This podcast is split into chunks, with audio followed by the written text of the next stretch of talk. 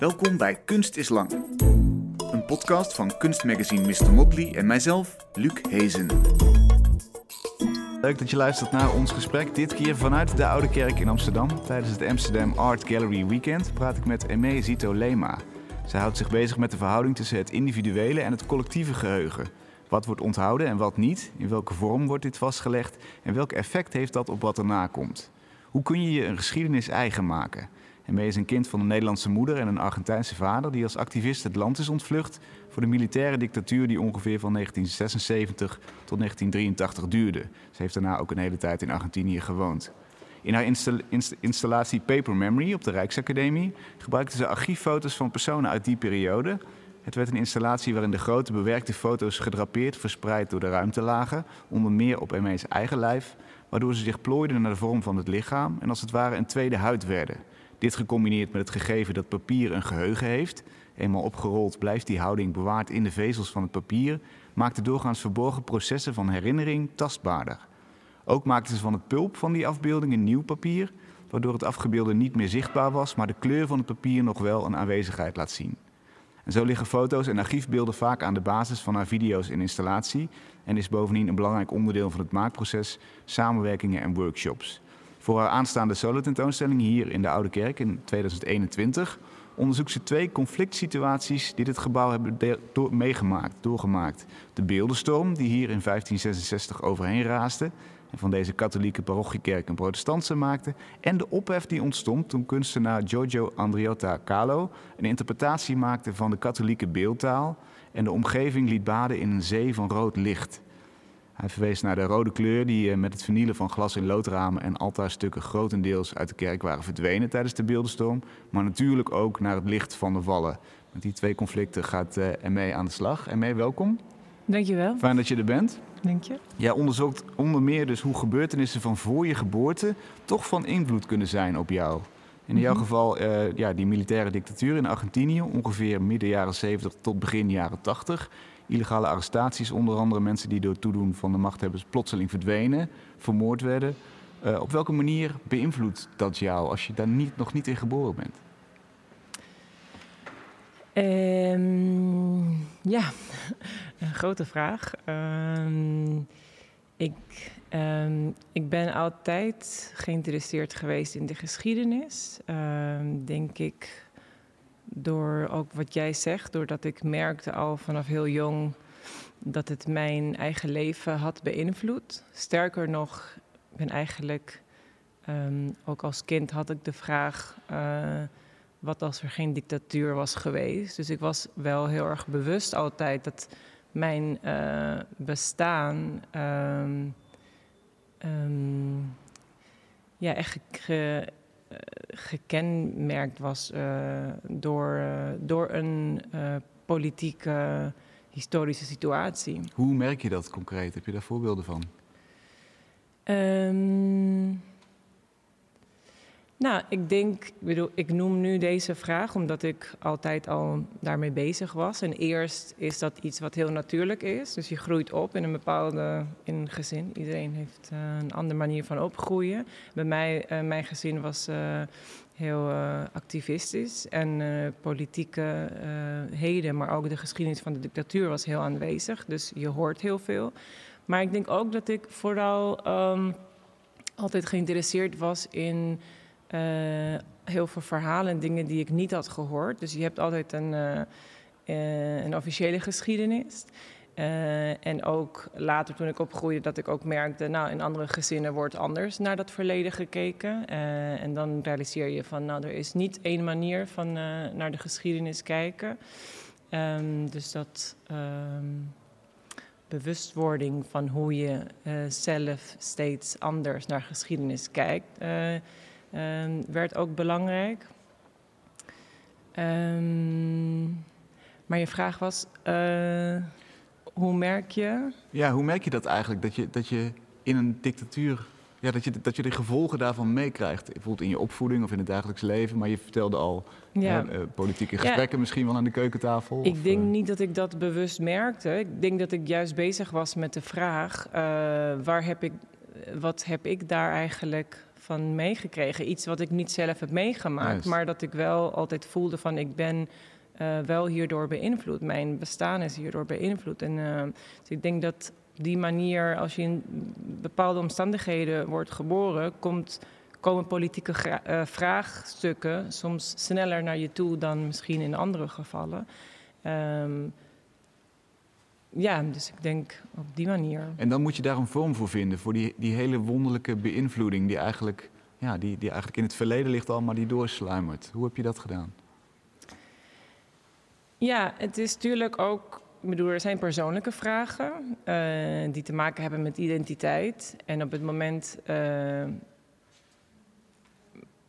dat je als kunstenaar eh, werkt, bezig bent, is het natuurlijk. Het is niet vanzelfsprekend dat je met die vraag ook je bezig gaat houden in je werk. Dus dat Nee. was voor mij ook wel een moment ehm, waarin ik toch na een aantal jaar heb gezegd van ik wil toch werk maken over deze geschiedenis. En dat is dan een moment waarin iets wat eerst alleen persoonlijk is misschien, eh, zich omdraait in, eh, in een werk waarvoor je ook een bepaalde afstand moet zoeken. In mijn geval denk ik dat die afstand echt een ehm, letterlijk geografische afstand is geweest, doordat ik eh, naar Nederland ben verhuisd. En op dat moment ben ik eigenlijk veel meer met die geschiedenis, eh, ben ik meer met die geschiedenis, of op een andere manier eh, ben ik bezig geweest met die geschiedenis. Hoe oud was je toen, toen je naar Nederland kwam? Ik was 21. Ah ja. ja. En dan moet je inderdaad een beeldende vorm ook zoeken natuurlijk, hè? want je, je, je maakt kunst en heel veel archief komt daarin terug, archieffoto's. Ja, Ehm, ik ben in eerste instantie denk ik altijd gefascineerd geweest door fotografie. Voordat ik met archiefbeeld ging werken. Ehm, en voor mij was, ehm, dus ik had ook heel veel gelezen over de geschiedenis, maar ik ben heel visueel ingesteld. Dus ik merkte dat alles wat visueel was en foto's bij mij heel erg ehm, ingreep. Ja. Ehm, dus eh, ik heb letterlijk mijn eigen familiefotoarchief meegenomen toen ik verhuisde naar Nederland. Bijvoorbeeld Er zat een zo'n kist met, eh, met foto's. Ehm, maar goed, waar, die afstand waar ik het net over had, dat je ook een bepaalde afstand nodig hebt om iets erover te kunnen eh, maken, iets erover te kunnen zeggen. Dat is denk ik de stap geweest van eh, niet werken met mijn eigen familiearchief, maar het zoeken naar ehm, andere fotografisch materiaal. Eh, en in dit geval eh, het, bijvoorbeeld het Nationale Archief eh, in Argentinië, waar dus ook heel veel fotografisch materiaal is. Ehm, en het begint met het verzamelen en het kijken, eh, selecteren. Welke selectie heb je willen maken? Want zoals je zei, elke geschiedenis is een eigen verhaal. Welk, welk verhaal wilde jij eruit lichten uit het grote archief? Ehm, ja, ik denk, er zijn dus verschillende ehm, eh, momenten waarin ik met foto's heb gewerkt, maar ehm, Laten we het voorbeeld nemen van Paper Memory op de, op de Ja. Rijksacademie. ja. Eh, dat werk begon eigenlijk met het herfotograferen van het archiefmateriaal. Dat is eigenlijk de eerste handeling die, eh, die ik voerde. Van oké, er, er is dus eh, die foto's, maar daar maak ik opnieuw een foto van. Is, is dat Ehm, toe-eigenen? Het is eigenlijk voor mij ja, toe-eigenen, maar ook een manier van dat verleden naar het heden halen. Mhm. Eh, en die fascinatie met fotografie. De- ik maak eigenlijk niet zo heel veel foto's. Maar ik werk heel graag met eh, bestaande beelden. Maar die manier dus om die, dat, dat verleden eh, eigenlijk ehm, opnieuw vast te leggen. Ja. Dus daar maak ik een nieuwe foto van. En dan vervolgens ga ik, ga ik werken met de nieuwe reproducties, met die foto's. Ehm, en ik heb, wat, wat je, je had ook genoemd, het werk waarin ik eigenlijk die foto's uitvergroot en die op mijn, op mijn lichaam eh, opnieuw vorm. Dus de foto krijgt eigenlijk de vorm van mijn, eh, van mijn lega- lichaam. Ja. Ehm, dit verwijst ook heel sterk naar, een, ehm, naar het beeld van de eh vermiste in Argentinië. Dus je geeft eigenlijk je, je eigen lichaam, dat, dat ma- materie waar je uit bestaat en die vorm uh, geef je ook aan die foto van, uh, van dat verleden, waar heel vaak ook mensen zijn afgebeeld die dus uh, verdwenen zijn.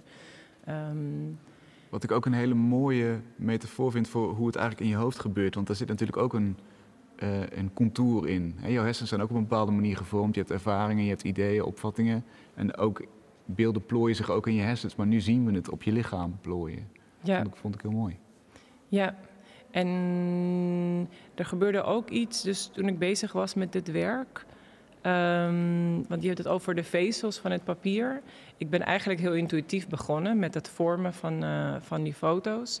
Uh, maar tijdens een, uh, een, expositie in Duitsland, um, daar tijdens het opbouw ging een, een werkstuk, een fotostuk. En daar um, ontmoette ik een papier of een restaurateur van het museum.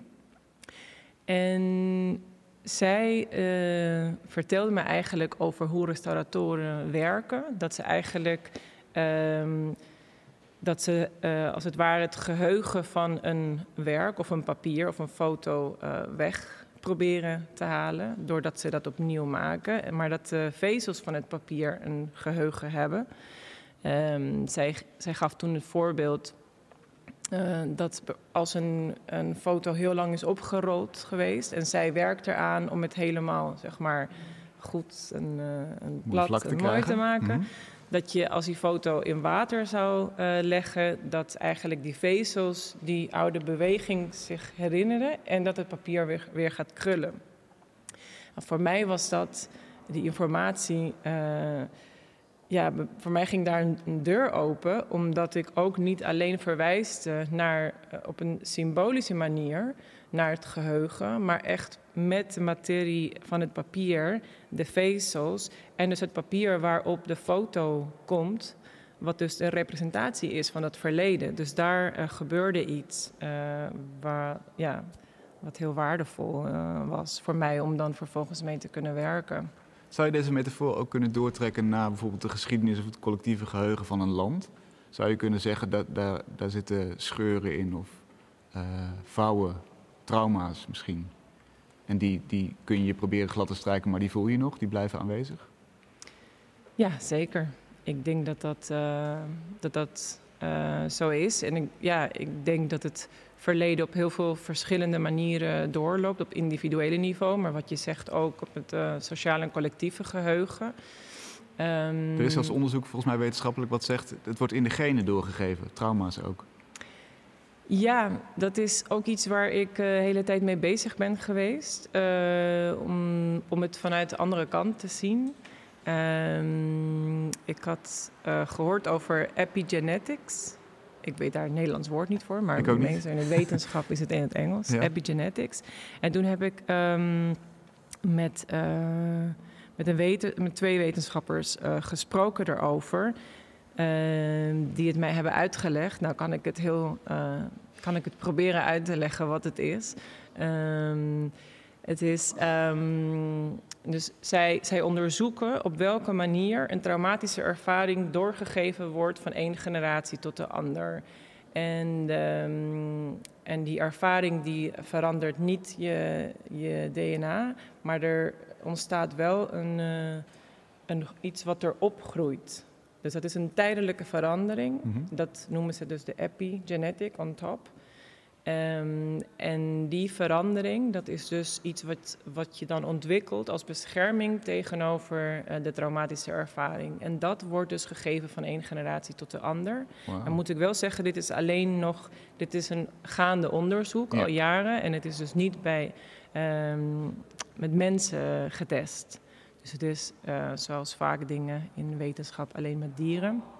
Maar het wordt, er wordt al wel veel mee gespeculeerd, zeg maar, van ja, dat het ook op, die, op dat niveau uh, bepaalde herinneringen uh, of uh, gebeurtenissen doorgegeven worden. Een soort psychologische worden. eeltlaag eigenlijk, die je beschermt, die je volgende generatie beschermt. Ja, maar juist niet psychologisch, maar genetisch. Dus dat, ja, dat ja, het echt op een ander niveau speelt dan alleen het culturele, psychologische. Of, ja, ja, je hebt gelijk. Ja, ja.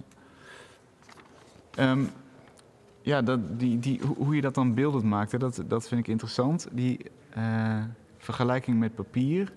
Hoe ben je dat uit gaan bouwen? Want het, sindsdien is het een soort van, nou, rode draad is misschien te sterk, maar het is vaker teruggekomen. Ja, ehm, er zijn verschillende werken, maar één werk wat ook voor mij belangrijk was, was het ehm, moment waarin ik dus na het vormen van die foto's waar ik net over vertelde, ben ik dus ehm, diezelfde foto's helemaal uh, in stukken gaan scheuren.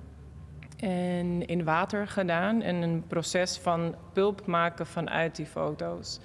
En die pulp heb ik gebruikt om opnieuw papier te, uh, te maken. Dus ik heb eigenlijk van hetzelfde formaat als die grote afdrukken die ik had gemaakt, heb ik een nieuw vel papier gemaakt, handgeschept papier. Um, en daarbij was het, uh, het, proces ook belangrijk. Maar dus wat je krijgt is eigenlijk een, uh, een, papier zonder beeld. Maar dat papier is gemaakt met vezels die dragers zijn geweest voor de representatie van die geschiedenisbeelden. Dus um, ja, dat is een voorbeeld van een werk van hoe, hoe dan uh, die geschiedenis uh, een andere vorm krijgt. Ik denk dat dat voor mij ook belangrijk is, dat, uh, dat er een proces van transformatie plaatsvindt. Mm -hmm. Dus ik ben natuurlijk geen historicus en dus het gaat mij niet zozeer op, om de feiten. Ik bedoel, feiten zijn ook heel belangrijk. Maar voor mij, um, ja, ik, ik, gebruik dat, ik gebruik het liever als een rauw materiaal, zeg maar. Om te kijken, oké, dit, dit is de geschiedenis en ik, um, wat kan ik, uh, wat voor nieuwe vorm kan daaruit voortkomen? Wanneer houdt geschiedenis eigenlijk op? Schoot me ineens te binnen. Wanneer kun je, hoe lang kun je doorgaan met bijvoorbeeld nieuw materiaal maken van ja. het opnieuw geschepte materiaal? Ja, ik denk ook altijd, soms praat ik over geschiedenis en soms ook over verleden. En ik denk eigenlijk dat ik meer bezig ben met het verleden dan met geschiedenis. Leg het verschil eens uit. Ja, ik weet het. Um, het is. Um, ja, het verleden voelt eigenlijk um, iets dichter. Het is dichterbij, denk ik. Op het moment dat iets geschiedenis is, dan. Uh, ja, het, het, is, ja, er bestaat een bepaalde afstand uh, of zo. Dus ik denk dat ik ook de, de geschiedenis waar ik me mee bezig ben, is eigenlijk een, een verleden wat, um, ja, een vrij recent verleden ook. Ja. Um, dus op die manier ergens ook nog tastbaar. En ook uh, je nog voor te stellen en over na te denken, omdat het nog in het recente geheugen ligt. Ja. Uh, over de middeleeuwen kunnen wij, hebben wij een heel andere, een andere band mee dan ja. wat we ons misschien nog kunnen herinneren of wat de generatie ja. voor ons ja. zich nog kan herinneren. Waar zit wat jou betreft de, de meeste betekenis? In die vezels, in het papier zelf, in het materiaal? Of is het puur de projectie en de perceptie van degene die ernaar kijkt? Waar zit de? De, de meeste betekenis. We hadden het net over waar houdt die geschiedenis op en die betekenis. Zit die bij degene die ernaar kijkt of, of zit er wel degelijk iets in het materiaal wat jou betreft? Ja, allebei. Uh, ja, dat is alle, ik denk allebei. Uh, die betekenis die, die is altijd op het, in het werk zelf. Uh, maar die bestaat pas op het moment dat er in contact komt met iemand die daar naar kijkt en iets over uh, denkt of voelt. Oh ja. um, Want je zou ook kunnen zeggen, de, de, betekenis bestaat alleen maar in het hoofd van degene die hem ziet. Die zit niet in het werk. Het werk is materiaal. Ja, maar wat is de betekenis dan? Wat bedoel je met betekenis? Ja, de betekenis van, van het ervaren van een kunstwerk en de eventuele informatieoverdracht of een reactie. Maar wat jou betreft zit dat zowel in het hoofd van degene die naar kijkt als naar is in het materiaal. Ja, misschien juist in, in dat moment van contact tussen de twee. Ja, anders bestaat die betekenis niet, bestaat het werk niet. Of bestaat het werk niet, maar dan niet de betekenis. Ja, het wordt een hele ingewikkelde loop. Ja. Laten we het hebben over deze, deze plek hier. Want uh, er komt in, uh, nou ja, over, over, over, een aantal maanden komt er een tentoonstelling voor jou hier. Uh, twee conflictmomenten. eerst die beeldenstorm en later wat we ongeveer een jaar of twee geleden hebben meegemaakt. Kun je eens uitleggen waarom je die connectie hebt gepakt? Ja. Ehm, ja, ik kwam hier binnen, 2,5 jaar geleden. Mhm. En toen, wat Jacqueline ook eerder eh, vertelde, toen speelde dat conflict heel erg. Ehm, en de eerste gesprekken waren ook eh, heel open. Dus het was, ja, ik denk dat de Oude Kerk op die manier werkt. Dat je eigenlijk met tijd en heel veel vrijheid een werk kunt ontwikkelen. Wat wel specifiek voor deze ruimte gemaakt is. En ja, dan kan je heel veel kanten op. Er was heel Mm. veel ophef. Hè? Je, kwam, je kwam inderdaad binnen eh, Ja. hier. Je kwam in gesprek met de Oude Kerk. En, en nou ja, de, de, de directe omgeving eh, stond op zijn achterste poten, om het zo maar Ja. te zeggen. Althans een deel daarvan. Eh, want er was heel veel rood licht te zien. Hè? Dus de hele omgeving Ja. baadde in rood licht Ja. eigenlijk. Alle ramen waren voorzien van... Ja, dat was toen met het werk van Giorgio Andreotta Calò. Ehm, maar het conflict speelde al daarvoor en daarna. Dus het is ook niet specifiek dat ik bezig ben met eh, wat de, oor- de oorzaak is geweest van dat specifiek tentoonstelling. Ehm, maar eh, meer met het eigenlijk hoe hedendaagse, hedendaagse kunst binnen deze ruimte eh, conflict he- conflicten heeft veroorzaakt. Of discussie, zeg maar, beter. En hoe zou je die samenvatten, die conflicten? Wat is de rode draad in die conflicten? Ehm, nou, het is eh, als je ergens. Ja, het is bijna. Het is altijd moeilijk om als buitenstander een conflict te begrijpen. Ehm, dat intrigeert mij dan heel erg als kunstenaar als ik hier binnenkom. En ik denk dat ik altijd wel graag met een eh, context werk, wat al een soort gegeven kader is. Mhm. Ehm, dus voor mij was dat iets waarvan ik dacht, ik, ik wil, ja, dat, ik had ook daar geen werk over kunnen maken. Ik bedoel, het is niet dat omdat dat con- conflict speelt, dat ik daar per se een werk over moet maken. Maar het was zo aanwezig voor mij in de, in de ruimte en het beïnvloedde ook alles hier om het gebouw heen. Ehm, dat ik dacht, het is, ja, het is heel belangrijk om hier iets mee te doen. En het nu. conflict is dan de wens om hedendaagse kunst te laten zien versus een historie Versus van een... eh, verschillende gemeenschappen die eigenlijk eh, ja, tegen het tonen van bepaalde werken zijn. En dat zijn, ja, eh, het kan, eh, het zijn bepaalde buurtbewoners, eh, vrienden van de Amsterdamse binnenstad, eh, kerkgemeenschap. Ehm, en die hebben hun ideeën en hun stem en die laten ze dus ook heel erg horen. Ehm, en aan de andere kant heb je de Oude Kerk die graag hedendaagse kunst eh, wil tonen in deze fantastische plek. Mhm. Ehm, ja, en dat eh, botst. Ja, Eh, en dat gaat best ver. Dat is ja, best ver gegaan. Ik weet nog, toen ik hier voor de finissage van Giorgio kwam, was er eh, een bommelding bijvoorbeeld. Ehm, dat ik dacht, ja, het is ehm, heftig om te realiseren dat kunst zoveel los kan maken, ja, nog steeds. ja. Ja. En dan zie je een parallel met die beeldenstorm. Ja, niet meteen, maar net zoals misschien diezelfde afstand waar ik het over had met de archieffoto's of je eigen geschiedenis, ehm, dacht ik van ja, dit speelt heel erg nu.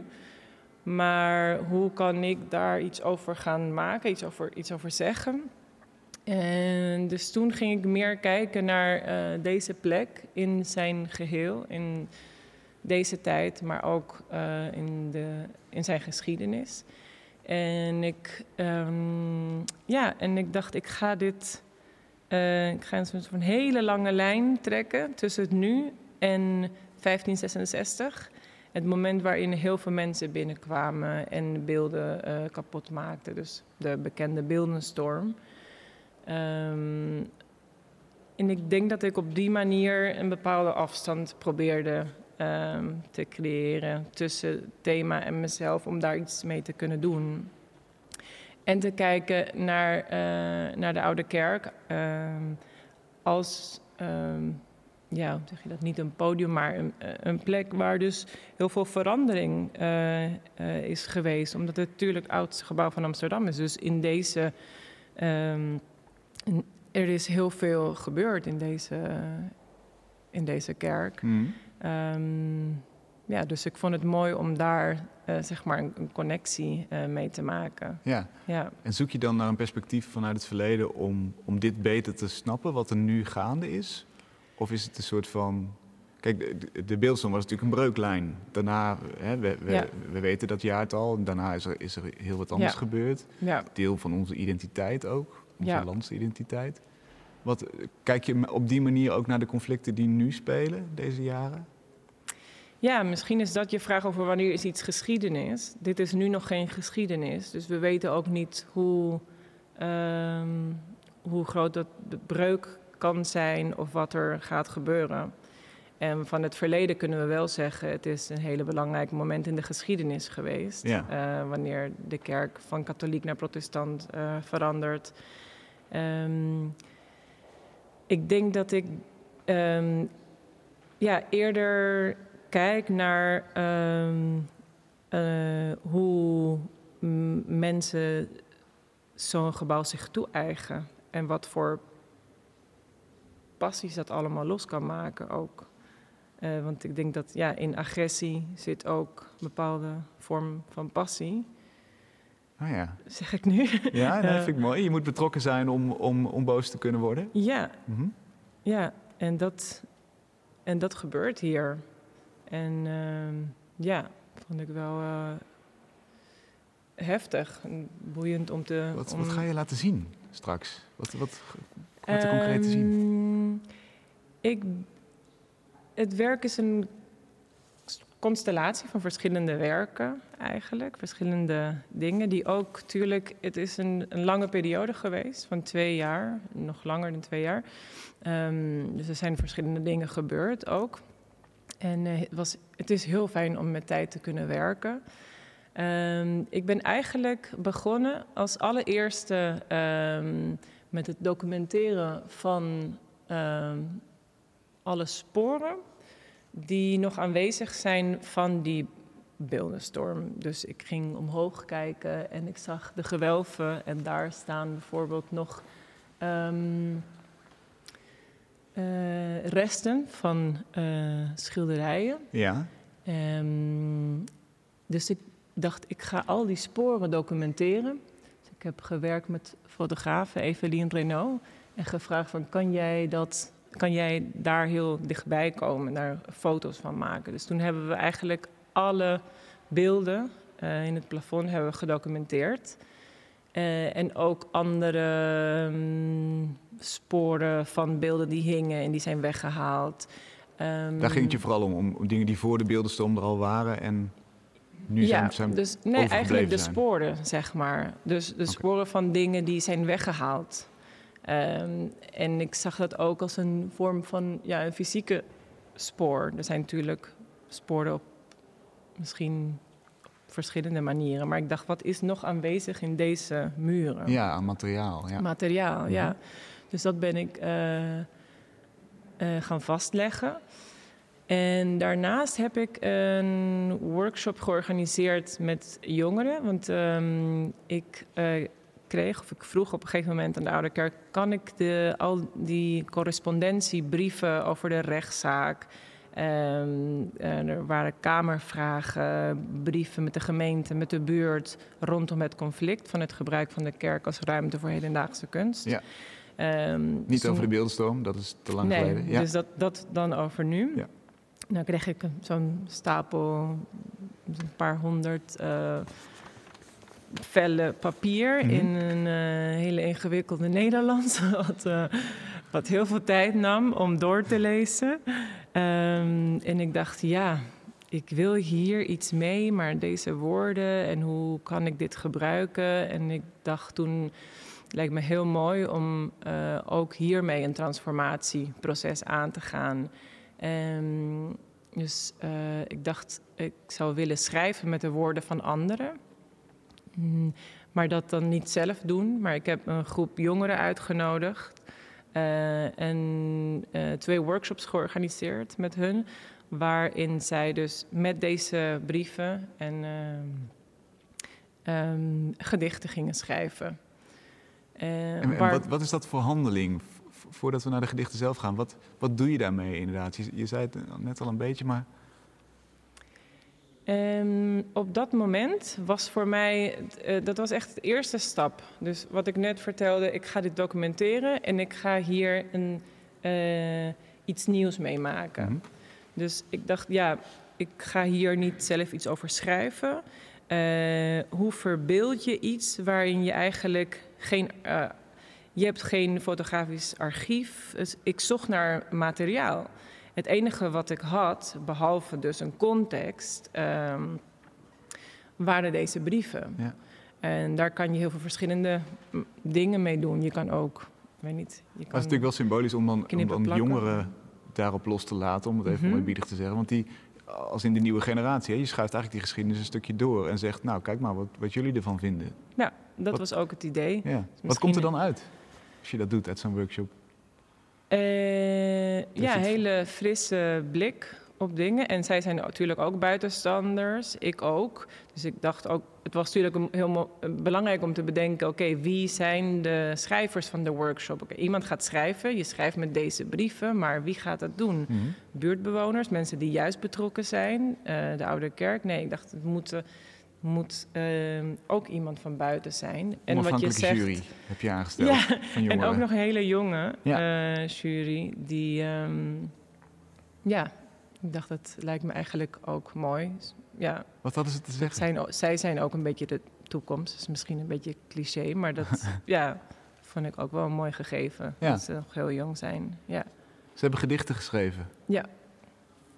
Ze hebben gedichten geschreven. Ehm, sommige gedichten waren echt eh, knippen, plakken op zijn ehm dadaïstisch, zeg maar. Gewoon echt vanuit woorden en daar iets mee doen. En andere gingen meer, dus, want tijdens de workshop spraken we ook over nou, het, wat gebeurt op dit moment, wat is dit, dat er een conflict is, maar ook over de geschiedenis eh, van de Oude Kerk.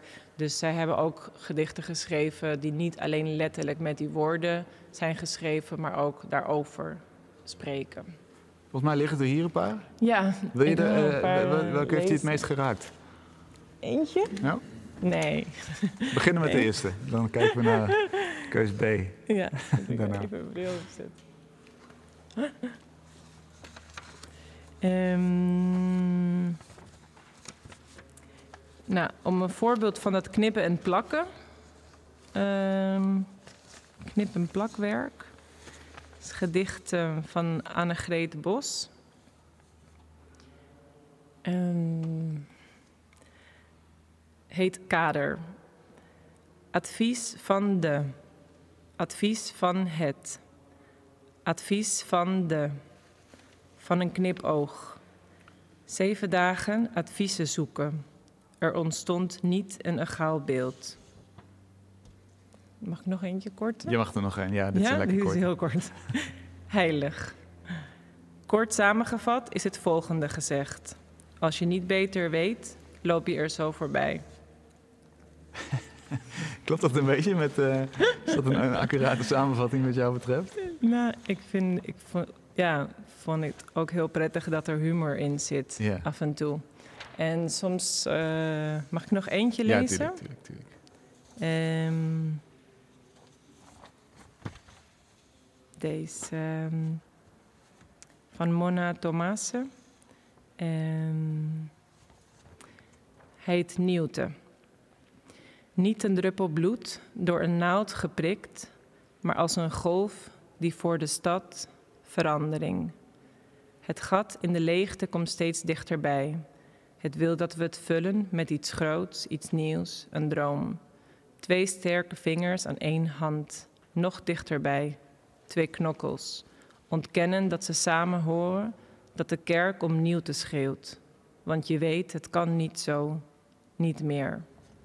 Zullen mensen samenwerken aan een nieuw begin van tijden die samenwerken aan de mensen, om zo met elkaar de nieuwte te omarmen, de handen vlechten in elkaar.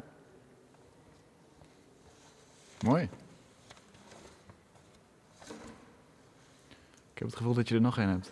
Ja, mag dat? Ja. Is het oké? Eh.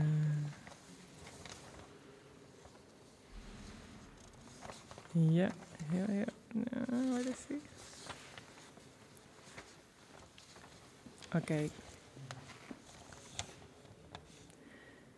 God is dan wel alwetend, maar vrijheid kent hij niet. Hij hangt met zijn rug omhoog vastgezogen aan het plafond en kijkt toe hoe de mensen aan zijn huis bouwen, werken, trekken, duwen. Als ze klaar zijn, is het nog niet goed. Want er zijn altijd vragen en woede zorgt voor vuile vegen op de muren. Dan begint het rood. De lucht voelt anders aan en het is bijna net alsof je de kleur kan horen roepen van heel ver. Ram pam pam, ik besta. Maar ik ben nog ver. Maar ik kom, ik beloof het. Glazen beelden zijn vaak zo zwaar dat ze mijn benen breken, zelfs als ik ze nog niet geteeld heb. De beelden blijven rustig staan. God wil eigenlijk zwarte ramen. Wauw. Ja. Wat is nou de volgende stap nu, nu je deze gedichten hebt? Want stap 1 was de foto's, stap 2 de workshop gedichten. Eh, ja, dit is, eh, de, deze die twee dingen, dus de gedichten en de foto's, zijn eigenlijk het uitgangspunt geweest. En van het, dat, dat materiaal ben ik gaan verwerken. Ehm, en de installatie, dus de gedichten worden straks eh, een geluidswerk in de ruimte. En alles wat oorspronkelijk foto was, dus het begon als een fotodocumentatie, is vertaald naar een ehm, meer grafisch beeld. Waarin bijvoorbeeld de foto's, eh, die haal ik dan terug naar ehm, zwart-wit punten, een soort bitmap. Ik weet niet, heel technisch, maar het is meer, dus het, het beeld bestaat dan ook uit zwart en wit. Ehm, en die, die komen he- ja, uitvergroot in verschillende waterbassins in de ruimte. Dus ja, dat is eigenlijk. ehm, dus dat papier, die foto's komen in water eh, door de hele ruimte. Ehm, per, dus de foto's zijn ook heel erg uitvergroot. Wordt het ook Dus- weer nieuw papier? Want dat was het procedé volgens mij eerder, hè? Dus, dus de snippers eh, klein maken en daar dan nieuw papier van scheppen. Eh, ik ga er geen nieuw papier van maken, maar ik wil wel dat papier in water eh, leggen, omdat het dan ook zelf een proces aangaat van verandering. In de maanden dat het papier, die foto, dat beeld weer in water komt te liggen. Ehm, ja, ik wil ook eigenlijk toen, zelfs het moment dat ik hier binnen liep, een van de eerste keren, voelde ik heel erg dat dit gebouwd is op water. Eh, en iemand Hoe, voel, hoe voel je dat? Nou, soms voel je dat. wat, wat merk je dan? Ehm, nou, ik realiseerde me heel erg dat eh, sowieso je voelt hier vochtigheid. Misschien is dat het ook. Ja, maar zeker. Ehm, ja, dit is een hele specifieke eh, plek van de stad natuurlijk. Eh, dus water is aanwezig, eh, ook in de, de geschiedenis van de kerk. Dus heel, ehm, en ook doordat bijvoorbeeld het dak van de oude kerk, dat is gebouwd ehm, als een omgekeerde schip. Omdat het heel licht moest zijn. En dit staat op eh, modder, net als Mhm. veel dingen in, in Amsterdam. Eh, dus het moest heel licht zijn, dus dan is, eh, is het gebouwd als een omgekeerde schip. En toen ik dat hoorde, voelde ik heel erg van, oh, je kan ook dingen draaien en dat wat erboven is, komt dan onder. Ehm, en het water van onder haal ik dan ook omhoog. Dus er, ja, in mijn hoofd ontstond zo'n spel van dingen die je ook op een andere manier kan plaatsen. En eh, wat je dan meestal vanuit onder naar boven kijkt, ga je straks op een andersom eh, bekijken. Ja. Dus dat was uitgangspunt voor de. Dus, dus stel dat we dit hele gebouw zouden omkeren, dan zou, je, dan zou dat, nou ja, zou het niet blijven drijven, maar dan, Kunnen we ergens heen? Nee. wauw. Laat de vrienden van de binnenstad het niet horen, want dan, uh, voor je het weet, is het gebouw weg. Oké, dus, dus, dus water speelt een, ook een belangrijke rol. Ja. Hier Ja. straks. Wanneer kunnen we het gaan zien? Eh, april, volgend jaar. Ja. Is er nog een stap, hebben we nog een stap overgeslagen? Komt er nog een stap na die we nog niet hebben besproken? Eh, bedoel je in het werk? Mhm. Ehm, nou, er is wel iets eh, heel moois ontstaan ehm, in de tijd. Want de expositie zou eigenlijk in maart. Nee, wanneer, wanneer ging het open? Ja, vorig jaar, maar goed. Ja. In maart Corona. besloten we dat het niet door kon gaan. eh, en toen ontstond ehm, ja, heel veel tijd, een jaar eigenlijk. En in die periode ging ik eh, kijken naar het werk van eh, Leon Ferrari. Dat is een Argentijnse conceptuele kunstenaar die heel erg bezig was met de geschiedenis van de kerk in Argentinië en Zuid-Amerika. Ehm, van de christelijke kerk. En ook heel veel werk heeft gemaakt ehm, wat over taal en beeld gaat. Ehm, en daar ging ik naar kijken, omdat ik ook de manier waarop ik deze beelden ging benaderen, wat ik zei, meer grafisch. Mhm. Daar staat ook iets in van het terughalen van het beeld naar iets heel, soort van iets basic. Dus net op, de, op, op een, ja, alsof ik een, een grens of vergelijking zocht tussen beeld en taal. En dat eh, kwam ook terug in ehm, de geschiedenis, de conflict van de oude kerk, waarin dus het beeld vernietigd wordt en eigenlijk het woord eh, het belangrijkste Juist, juist, wordt. Ja. Ehm, Dat, is, dat is in de beeldenstorm, hè? terug naar een sobere religie waar, Ja, waar het om, om de letter van de, van de Bijbel gaat en niet om de visualisatie. exact. Dus ehm, ja, dat, dat was voor mij ook een heel belangrijk gegeven. En daar wilde ik iets mee doen. Ik denk dat voor mij was dat de manier van het... eh, hoe ga ik de beelden benaderen? Die ga ik eigenlijk soort van terugbrengen naar... eh, alsof je met beelden zou schrijven. Dat dacht ik. Ik wil eigenlijk met de beelden schrijven. Ehm, en ja, dat is meer een gedachte. En het is niet dat het tekst is geworden, maar het is een soort van teruggehaald naar grafische elementen. Ehm, maar wat ik zei over Leon Ferrari, dus toen ging ik naar dat werk kijken. En, eh, en het leek me heel mooi om werk van hem ook in de context van eh, de expositie te laten zien. En nu zijn we bezig met een footnote tentoonstelling in een van de zijruimtes. Mhm. eh, waarin we een hele kleine selectie van zijn werk gaan tonen. Ehm, ja, dus dat is iets wat is ontstaan doordat er meer ruimte was. Ehm, ja, Dit is dus, Dus wat er is- gebeurt als je ruim 2,5 jaar aan één tentoonstelling werkt. Dan heb je al die lagen en al Ja. die referenties, ja, die zitten erbij in. ja. Dan eh, kan je echt op een andere manier werken. Ja, soms is eh, druk kan heel goed zijn om iets af te maken. Maar ja, ik realiseerde me wel in dit extra jaar, zeg maar, dat er heel veel dingen zijn gebeurd. Niet zozeer dat het werk heel anders uitziet, maar wel ehm, dat ik het eh, op een andere manier ging, of anders, of beter ging begrijpen wat ik aan het doen was. Ja, Laatste vraag, verwacht je veel commotie bij deze tentoonstelling? daar ben ik nog niet echt mee bezig. Ik, eh, ik heb geen idee. Ehm, Ik zal alvast de verdediging schrijven, dan heb je hem maar vast achter de hand, toch? ja, Tot in eh, april. ja We gaan het zien. dankjewel. Dankjewel. dankjewel. Applaus in de Oude Kerk voor eh ME en terecht. Tot zover Kunstenslang van deze week. We zijn er volgende week weer en dan is het de laatste aflevering van dit seizoen. Vind je het leuk als we ook volgend jaar weer zijn met een heel nieuw seizoen? Doneer dan eventueel wat je kan missen via de website van Mr. Motley, want we zoeken echt nog een beetje geld. We willen graag door om mooie afleveringen zoals dit te maken. Dus heel graag tot volgende week.